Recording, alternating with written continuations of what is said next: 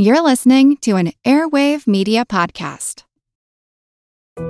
We all know how important it is to keep your eye on the money, and not just your own. Stay on top of the latest financial and market news with Yahoo Finance, a podcast that releases new episodes almost every day.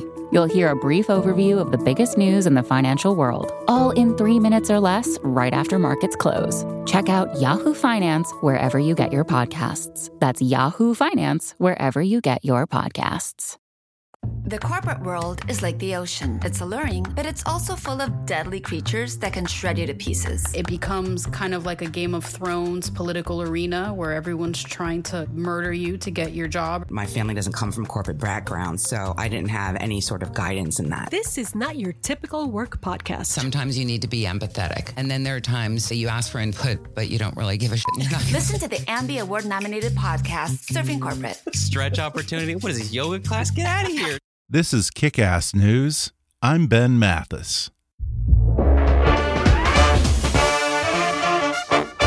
Hey, folks, I know you love podcasts, and March is National Podcast Month. Believe it or not, there are a lot of people out there who still haven't been turned on to podcasts or don't really know what a podcast is. So help celebrate Podcast Month by sharing kick ass news or any of your favorite podcasts with at least two friends. Or better yet, share us with all your friends on Twitter or Facebook and be sure to tag us when you do and use the hashtag trypod. That's T R Y P O D. Spread the word about this podcast or any podcast. And if you want to do something else to support Kickass News, then donate to our GoFundMe campaign at gofundme.com slash kickassnews. Believe it or not, this show costs actual money, and your contribution will help offset some of those costs. So become a part of what I'm doing here by going to gofundme.com slash kickassnews and making a donation. Thanks for listening, and now enjoy the podcast. Why are we here? It is both the most fundamentally human question and fundamentally frustrating question we ask ourselves. Who hasn't wondered where we come from and what it all means? But what if we're asking the wrong questions? And what if it's not all about us? My guest today has some thoughts on the subject. In fact, he's at the forefront of the quest to discover where we came from and not just why, but how we're here. Professor Lawrence M. Krauss is an internationally known theoretical physicist and director of the Origins Project at Arizona State University, a national center for research and outreach on origins issues, from the origins of the universe and human origins to the origins of consciousness and culture. He's also the foundation professor in the School of Earth and Space Exploration and the Physics Department at ASU, where his research includes the interface between elementary particle physics and cosmology, the early universe, the nature of dark matter, general relativity, and neutrino astrophysics. Prior to coming to ASU, Lawrence Krauss served as the Ambrose Swasey Professor of Physics, Professor of Astronomy, and Chairman of the Department of Physics at Case Western Reserve University. During his 12 years at Case, he built up their physics department into one of the top 20 ranked physics graduate research programs in the country. He is also the only physicist to have received awards from all three major American physics societies the American Physical Society, the American Association of Physics Teachers, and the American Institute of Physics and he's received the National Science Board's Public Service Medal for his contributions to public education in science and engineering. He's the author of more than 300 scientific publications and nine books, including The Fifth Essence, The Search for Dark Matter in the Universe, the number one New York Times bestseller, The Physics of Star Trek, and its follow up, Beyond Star Trek, Atom, An Odyssey from the Big Bang to Life on Earth and Beyond, Hiding in the Mirror The Mysterious Allure of Extra Dimensions from Plato to String Theory and Beyond, and his last book, A Universe from Nothing Why There is Something Rather Than Nothing, which also reached number one on the New York Times bestseller list. Today, he's joining me on the podcast to talk about his newest book, The Greatest Story Ever Told So Far. Why are we here? He'll discuss the questions we should be asking ourselves He'll also talk about why technological advances and new gadgets shouldn't always be the end game of science, and why we human beings may need to get over our need to believe that the whole universe was created just for us. He'll give a history of science that he says is way more interesting than the Bible and discuss some of the seminal figures in that history. He'll also take on intelligent design, Deepak Chopra, and Donald Trump in the process. Plus, he'll reveal why the organization he chairs just moved the infamous doomsday clock a lot closer to midnight. Coming up with theoretical physicist Professor Lawrence M. Krauss in just a moment.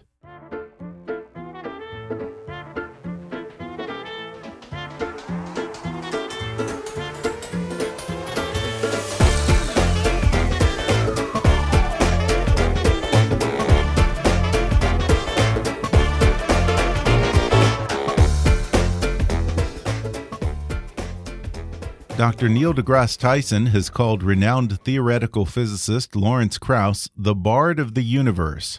He's director of the Origins Project at Arizona State University, chair of the board of sponsors at the Bulletin of the Atomic Scientists, and the only physicist to have received awards from all three major American physics societies the American Physical Society, the American Association of Physics Teachers, and the American Institute of Physics, as well as receiving the National Science Board's Public Service Medal for his contributions to public education in science and engineering. Lawrence Krauss is the author of more than 300 scientific publications and nine books, including the international bestsellers A Universe from Nothing and The Physics of Star Trek.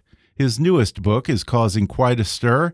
It's called The Greatest Story Ever Told So Far Why Are We Here? Professor Krauss, thanks so much for joining me.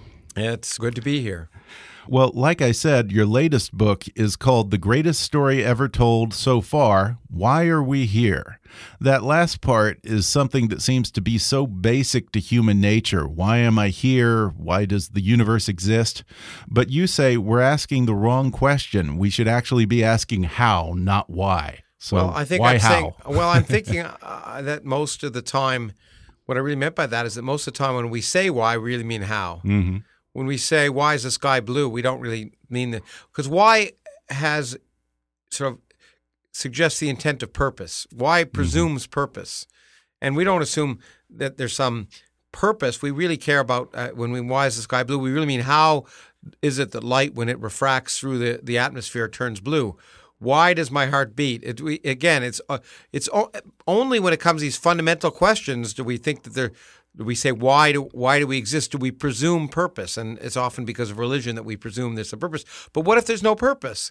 Then the question makes no sense. Yeah. So really, we I think the important questions are how did the universe come into being? How are we here? And maybe that'll uh, address for some people the why questions that so much people really want to ask because we're sort of hardwired to want to assume purpose. Yeah, and here in the inside book flap of your book, it says this book challenges readers to re envision ourselves and our place within the universe. So, if we're going to advance forward as a species, do we need to get past this narcissistic need to be the center of the universe and to believe that everything that is was created entirely for our benefit? I, I agree. I mean, I point. I think it's the most solipsistic view of the universe you can imagine, and and to imagine that if if the universe isn't made for us, then it's useless. Or if there's no purpose to the universe, then our own purpose doesn't exist. It's both ways. It's kind of incredibly self-centered, and it, there may be no purpose to the universe, but we make our own purpose in life. And in fact, if we're here as a cosmic accident, as I argue in the book in great detail, I think we we it makes our the accident of our existence more precious and we should try and take advantage of the fact that we evolved brains and we are here to be aware of the, of the universe in which we live. And it's amazing an amazing thing and we should we should try and utilize that and our brains to the best of our capabilities and since we can control our environment to make the the future better than the past. You start the book by saying in the beginning there was light but more than that there was gravity after that, all hell broke loose. Um, you make a lot of these allusions to Christianity, even with the title, The Greatest Story Ever Told So Far. You start each chapter with relevant Bible verses, and you even have the book broken down into Genesis, Exodus, and Revelations. Are you trying to draw parallels with religion? Are you trying to be sardonic or, or provide an alternative narrative to religion? Well, I, am not trying to draw parallels. I think I'm sort of making a somewhat tongue in cheek relation. The, the greatest story ever told was a story is often attributed to the Bible stories, and I, what yeah. I want to argue is that the real story of the universe is really the greatest story ever told, and moreover, the so far part is the key part because our story keeps changing. Every mm-hmm. it gets better every day because it gets bigger and better, and we get surprised, and so I really was trying to make a comparison a sense, but it's not comparable because the Bible can't compare to this story. It's not even as interesting. in your previous book, A Universe from Nothing, you said that recent science suggests that the universe could and plausibly did arise from nothing, which of course goes against the creation myth and even calls into question the existence of a higher power. Do you see this book, The Greatest Story Ever Told So Far, as a companion piece to A Universe from Nothing? Yeah, in a, in a way, I, I, the Universe of Nothing did two things. First of all, it explored the revolutionary developments that have taken place on the largest scales that we know of, and which are truly revolutionary, and which have changed the way we think about ourselves. And I, and they also have allowed us to address this transcendental question, which has been usurped by religion, called which is how why is there something rather than nothing, which religion, religion claimed to have an answer for, which is simply God did it, and claimed that science could never answer. And the point is, we've come up with a plausible argument without any supernatural shenanigans. This book explores the other realm of scientific forefront, which is understanding the universe on the smallest scales. And there have also been revolutionary developments in the last 50 years that are not truly appreciated among the public. And I wanted to tell that amazing intellectual story of that uh, of of how we got to where we are. But in turn, that story also has implications for the other transcendental question, which is why are we here? And your book tells this sweeping narrative of the history of science. Uh, when does the story of science begin? What is the Genesis chapter, if you well, will? Well, there's a check. There's a section of the book called Genesis, but but I, my story, in some sense, originates with Plato, not because he was necessarily a scientist, but he presented a, a view of reality in his allegory of the cave that we're all sort of seeing the mm-hmm. shadows of reality, and the job of the scientist is to is to is to understand the reality beneath the shadows. And I think that is a very good analogy for what science has been doing over the last 2,000 years. Modern science probably began with Galileo, in my opinion. And in fact, he plays a part in the story, as does Newton and, and beyond. And, and that story is the story of the best of, of humanity at its best, trying to answer these questions. And, and while scientists themselves may be biased and prejudiced, about what they think the answers are. What's great is that science overcomes those biases and prejudices. And eventually, even though people may be going down the wrong alley for a long time, it eventually turns them around. And I find that process, the process of science, is incredibly important for cutting through the illusion that is the world we see. And mm-hmm. therefore, I think it has applications to actually the political world we live in, too, where I think we need to turn to empirical reality to cut through the illusions that we're hearing about in politics. Yeah. There was a long period when science and religion were intertwined. To a large extent, scientific inquiry was pursued as a means of understanding God. You talk about Sir Isaac Newton's study of the Bible code and alchemy and mysticism at the same time as he was formulating his laws of motion and gravity. When was the break where science really became its own discipline, separate of the mysticism and alchemy and supernatural well, I think Newton curiosities. Helped, even though he was an alchemist and a mysticist, Newton himself, I think, played a huge role because once he showed that the motions of the planets and the celestial objects could be understood as by the same laws that governed people on Earth, and that physical causes have or physical effects have physical causes. That changed everything. So I think Newton himself played a key role.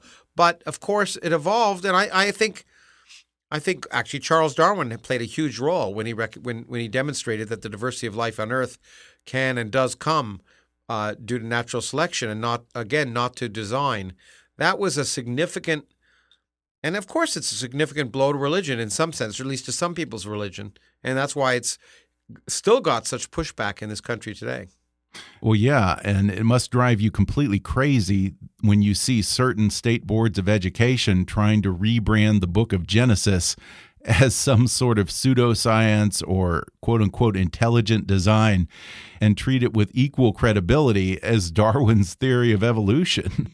I know. And when you have, what do you mean, not just state? When you have the vice president of the United States uh, Right. address Congress when he's a congressperson saying that you should teach intelligent design instead of evolution, then you have to worry. when you've got a secretary of education whose husband, at least, was who's himself herself is a fundamentalist, and whose husband basically wanted to get rid of the teaching of evolution when he was running for governor of Michigan, you have to worry. Yeah. Well, what would you say to those who might ask what's the difference between scientific theory and faith or a hunch? If neither are proven, aren't they equally valid? Well, no, uh, because scientific theories, in fact, things don't become a scientific theory till they've been tested over and over and over again. And scientific theory, like general relativity, is the highest level of our understanding of the universe because it's been tested by experiment and it could be wrong. So scientific theories are tested. Religious faith is not, and that's a huge difference. In fact, that's why one leads to accurate understanding of the universe and the other generally hasn't. Right. But even still, it can be misappropriated. In the book, you take to task guys like Deepak Chopra for misinterpreting the Heisenberg uncertainty principle to justify some new age metaphysical humbug about human consciousness influencing the physical environment. Um, explain for the listeners what the Heisenberg uncertainty principle is and why this is not proof of conscious control of the world around us. Well, everyone wants to use science to validate what they believe. And that's, I think, a really important thing. We all want to believe. And as Feynman said, the most important person to question is yourself. And I think that's one of the lessons from science. And we see it in the book because even great scientists were so so encumbered by their beliefs that they mm-hmm. often missed the solution that was right standing in front of their face. Well, we're going to take a quick break, and then I'll be back to talk more with Professor Lawrence Krauss, author of The Greatest Story Ever Told So Far Why Are We Here? When we come back in just a minute.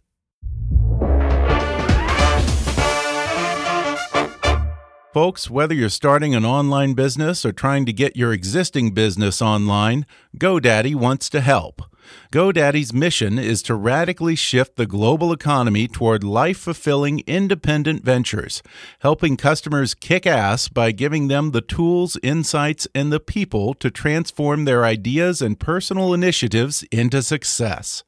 With more than 62 million domain names under management, GoDaddy is the world's largest technology provider dedicated to small business and the largest domain registrar. They have award winning 24 7 support and everything you need to build your online business. Whether you have a new idea or an established business, the key to success online starts with a great domain name, and GoDaddy is trusted by 13 million customers, more than any other registrar, with big savings over the other guys. And right now, my listeners can get 30% off new purchases on GoDaddy.com by using the code KICK30 at checkout. That's GoDaddy.com, code KICK30 for 30% off. Again, GoDaddy.com and offer code KICK30. And now, back to the podcast. And in the book, you tell the stories of some of the key figures in the history of physics uh, Galileo, Michael Faraday, Maxwell, Einstein, Fermi, Feynman, and quite a few others. Um, as a physicist, is there one in particular who you relate to? Well, in some ways, as a physicist, I relate to all of them. I don't Yeah. have the presumption to be any of them. Uh, I think the one that's closest is probably Feynman, maybe because I knew him, um, Really? and because he influenced the way I think about physics. Um, but I'm not Feynman, and uh, uh, I, I think uh, the great thing about being a scientist is though is that I share the story. I'm a part of the mm-hmm. story. I, I make my own contributions, and we all share that same effort to to to to go beneath the, the illusion and find the reality below. And I'm inspired by all of them. So it's um, it's just a fun community. And, and that's the other thing about mm-hmm. science that people should realize. is it's not just done, done by the people whose names you've heard of. It's done with baby steps and a lot of people mm-hmm. moving along the way. And it's it's a wonderful community working together from with people from hun- over hundreds of different countries, dozens of languages, religions, all working together. Science is an example of the fact that humans can work together.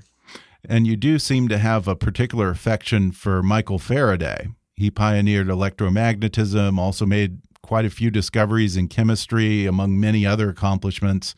Um, as a scientist, what do you admire in particular about Faraday? Well, I like I like Faraday for a large variety of reasons. One, he was a an amazing. He was not never educated formally. He was a bookbinder's apprentice Right. who, as I talk in the book, managed to become head of the Royal Institution and do experiments that changed the world. Radio right now, what we're doing right now would be impossible if he hadn't discovered the laws of electromagnetism. But he was also a humble man. He turned down uh, knighthoods, but and he also he he, he actually in the Royal Institution, he he established the, these lectures. He he used to give these Christmas lectures and other lectures, hundreds of lectures to the general public, and and and sort of that that of course I value because I think it's really important to disseminate science. And in telling the story of science, you describe a series of unifications in the history of physics. We already mentioned the unification of electricity and magnetism into electromagnetic force, the unification of space and time, quantum mechanics and special relativity into quantum electrodynamics, electromagnetic and weak forces into the electro weak force, and ideas to integrate the strong force at the Large Hadron Collider. Which of these do you have the hardest time explaining to laymen who don't have a physics background like myself? Well, I think the one that is the uh, penultimate or ultimate unification that I spend a large part of the second half of the book talking about, which is the unification of two of the four forces of nature the electromagnetic force, which most of us are familiar with, and the weak force, which is the force that's that's responsible for nuclear reactions. There's very different. One o- operates over the scale of nuclei, one operates over the scale of the universe. They have different, very different properties. But one of the amazing things we've discovered, and this is the hallmark of progress in science, is that these two forces that look so different on the surface are really identical uh, at, on below the surface. And whenever you see disparate things that are, that appear very different on the surface, shown to be different reflections or different manifestations of the same thing, that's progress in science. Well, tell me this, Lawrence. Is there a danger of science becoming sort of a victim of its own success in the sense that people who aren't scientists can understand and experience things that are more tangible, like magnetism Yeah. and electricity, things that people kind of have a fundamental understanding of. But as science progresses and physicists like yourself push farther into the realms of particle physics, there's the possibility that the public has difficulty grasping such esoteric concepts. And maybe there's even a risk of these advances driving some people to give up trying to understand science and retreat to the, the relative comfort of religion and superstition. Is that a valid concern? Yeah, I, I think that's one of the reasons why I wrote this book too, because physics seems so far removed from people that they don't think they can ever understand it, and and and it's a series of steps that got us there. And I think if people review the series of steps, then they can follow that mm-hmm. arc of discovery themselves. And and and you don't have to, you know, in our society, you think you have to be a scientist to appreciate science, but you don't have to think you're a musician to appreciate music or an artist to appreciate art. And I don't think you have to be a scientist to appreciate science. You can get the perspective. You don't have to be master of it, but you Yeah. can understand where it comes from and how and the impact it has for our understanding of ourselves. And since you brought up the comparisons with music and art, um, you know, art and science are often viewed as opposing disciplines. One is subjective, one is fixed. But you discuss the fact that you see a lot more in common between the two than most scientists are probably willing to admit, particularly in terms of the creativity aspect. I suppose. Maybe I, for me, the greatest legacy of science is its cultural legacy. Science is mm-hmm. like art, music, literature. They all do the same thing. They change our perspective of our place in the universe. Mm-hmm. And that's the greatest virtue of science. Of course, it produces the technology that allows you and I to talk and people to live longer. And that's important too. But its cultural legacy is equally important. And they're all valuable, which is why I'm so sad that in the current budget, they're not only just cutting science dramatically, the kind of science I talk about in the book, but the National Endowment for the Humanities, the National Endowment for the Arts, Corporation for Public Broadcasting. These are the things that make make the country worth defending. Well, yeah. And in a December New Yorker column, you accused Trump of waging, quote unquote, a war on science. Uh, Trump released his first budget proposal, which makes cuts to education, healthcare, and scientific research. I can only imagine how much that must alarm you. And also, as someone who deals in facts and evidence, it must worry you to see that this country is careening into a post-truth, alternative facts dark age. Well, that's part of the reason that we we it, part of it I think is due to the way we teach science, or rather misteach science, Really? or things in general at school. We teach science as if it's a collection of facts, and then other people come another set of Mhm. facts. Science isn't a collection of facts; it's a process for deriving facts.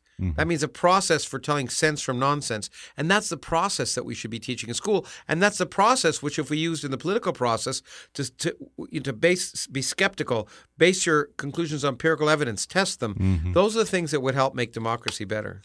Yeah, and it does seem that we do students a real disservice when our education system focuses so heavily on rote memorization and regurgitation of facts and spends not nearly enough time teaching kids simply how to reason and employ logic and the scientific method to the world around them outside of just Well, science. I, I don't think the life. answers are important. The Yeah. facts are important. We should be Yeah. teaching kids how to ask questions. I think that's Mhm. really the point. Yeah.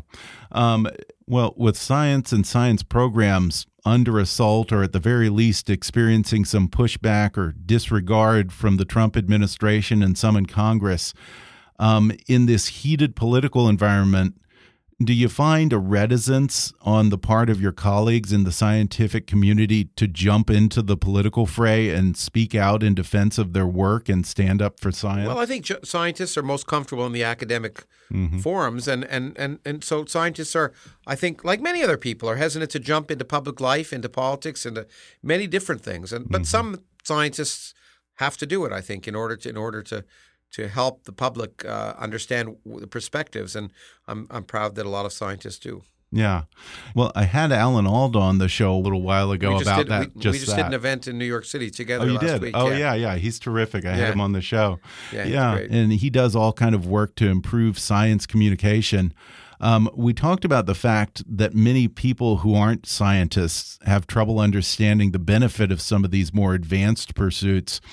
Um, you know, most people understand how all kinds of technology came out of Maxwell's unification of electricity and magnetism. But what kind of technology has come from these more recent unifications, such as special relativity, general relativity, electroweak theory, or something else that we're talking Well, about? Well, they side. Well, look, I, the, the unification of the weak electromagnetic interaction is not going to make a better toaster. It may it may have may, may have no direct implications for technology. I would argue that's not the reason to do it. It's to understand our origins.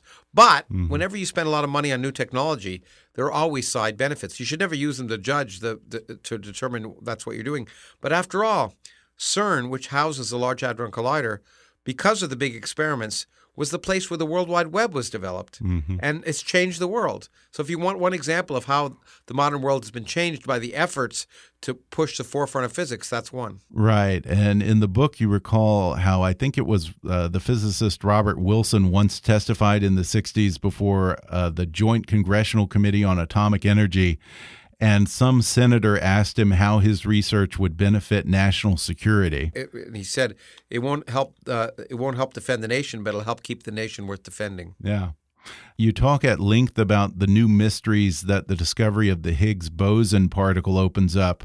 In fact, you say if we're going to ask, why do we exist, we might as well ask, why does the Higgs exist? But we don't really know yet, right? Well, we don't know at a fundamental level. We've discovered it does, and we've f- discovered that it completely has changed the universe so that we can be exist in it. The, at a fundamental scale, the universe clearly isn't designed for us because at a fundamental scale, we couldn't exist. It's because this mm-hmm. accident that this Higgs field froze in space in the early history of the universe that allowed us to exist. But we don't know why it froze the way it did, and that's of course every time you make a great discovery in science, there are more questions than there are answers, and that's that's a great thing. That's not a bad thing because once again, the story gets more interesting. Do we have any ideas on that? Of course, we got tons of ideas, but but uh, most of them are probably wrong. That's the other great thing. if you're a theoretical physicist, as I often say, the two greatest states to be in are either wrong or confused.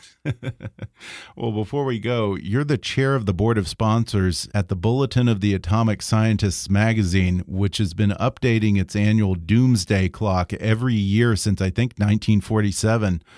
Um, the bulletin recently moved the hands on the clock, the closest it's been to midnight or doomsday in 64 years. Yeah. What prompted that? Well, a lot of a lot of things. Um, first of all, uh, a series of very dangerous statements by now President Trump, uh, before he, he was inaugurated about the need to proliferate nuclear weapons and the possibility of using them.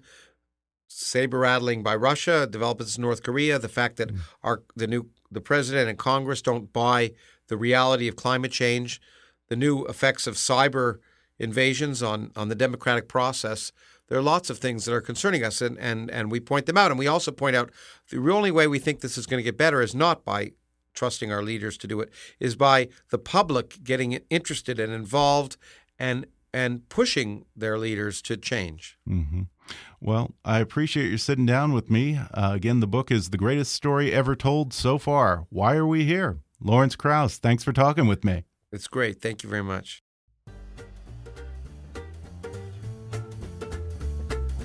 Thanks again to Lawrence Krauss for joining me on the podcast. You can order The Greatest Story Ever Told So Far Why Are We Here on Amazon or download the audiobook for free with a special trial offer just for our listeners at audibletrial.com slash kickassnews.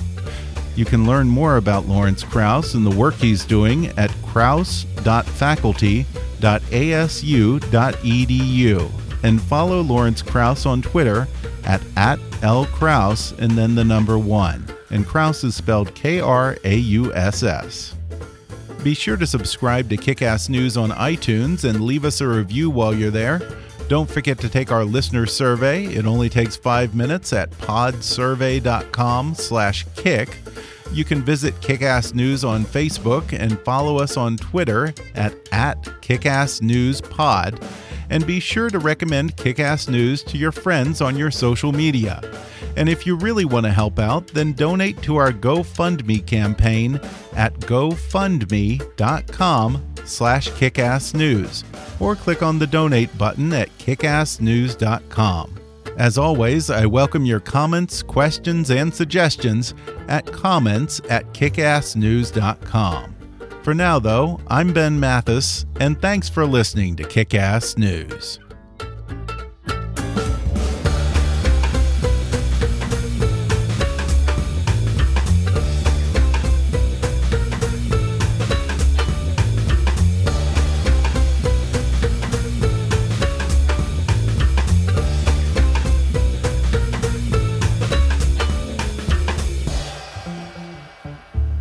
Ass News is a trademark of Mathis Entertainment, Inc.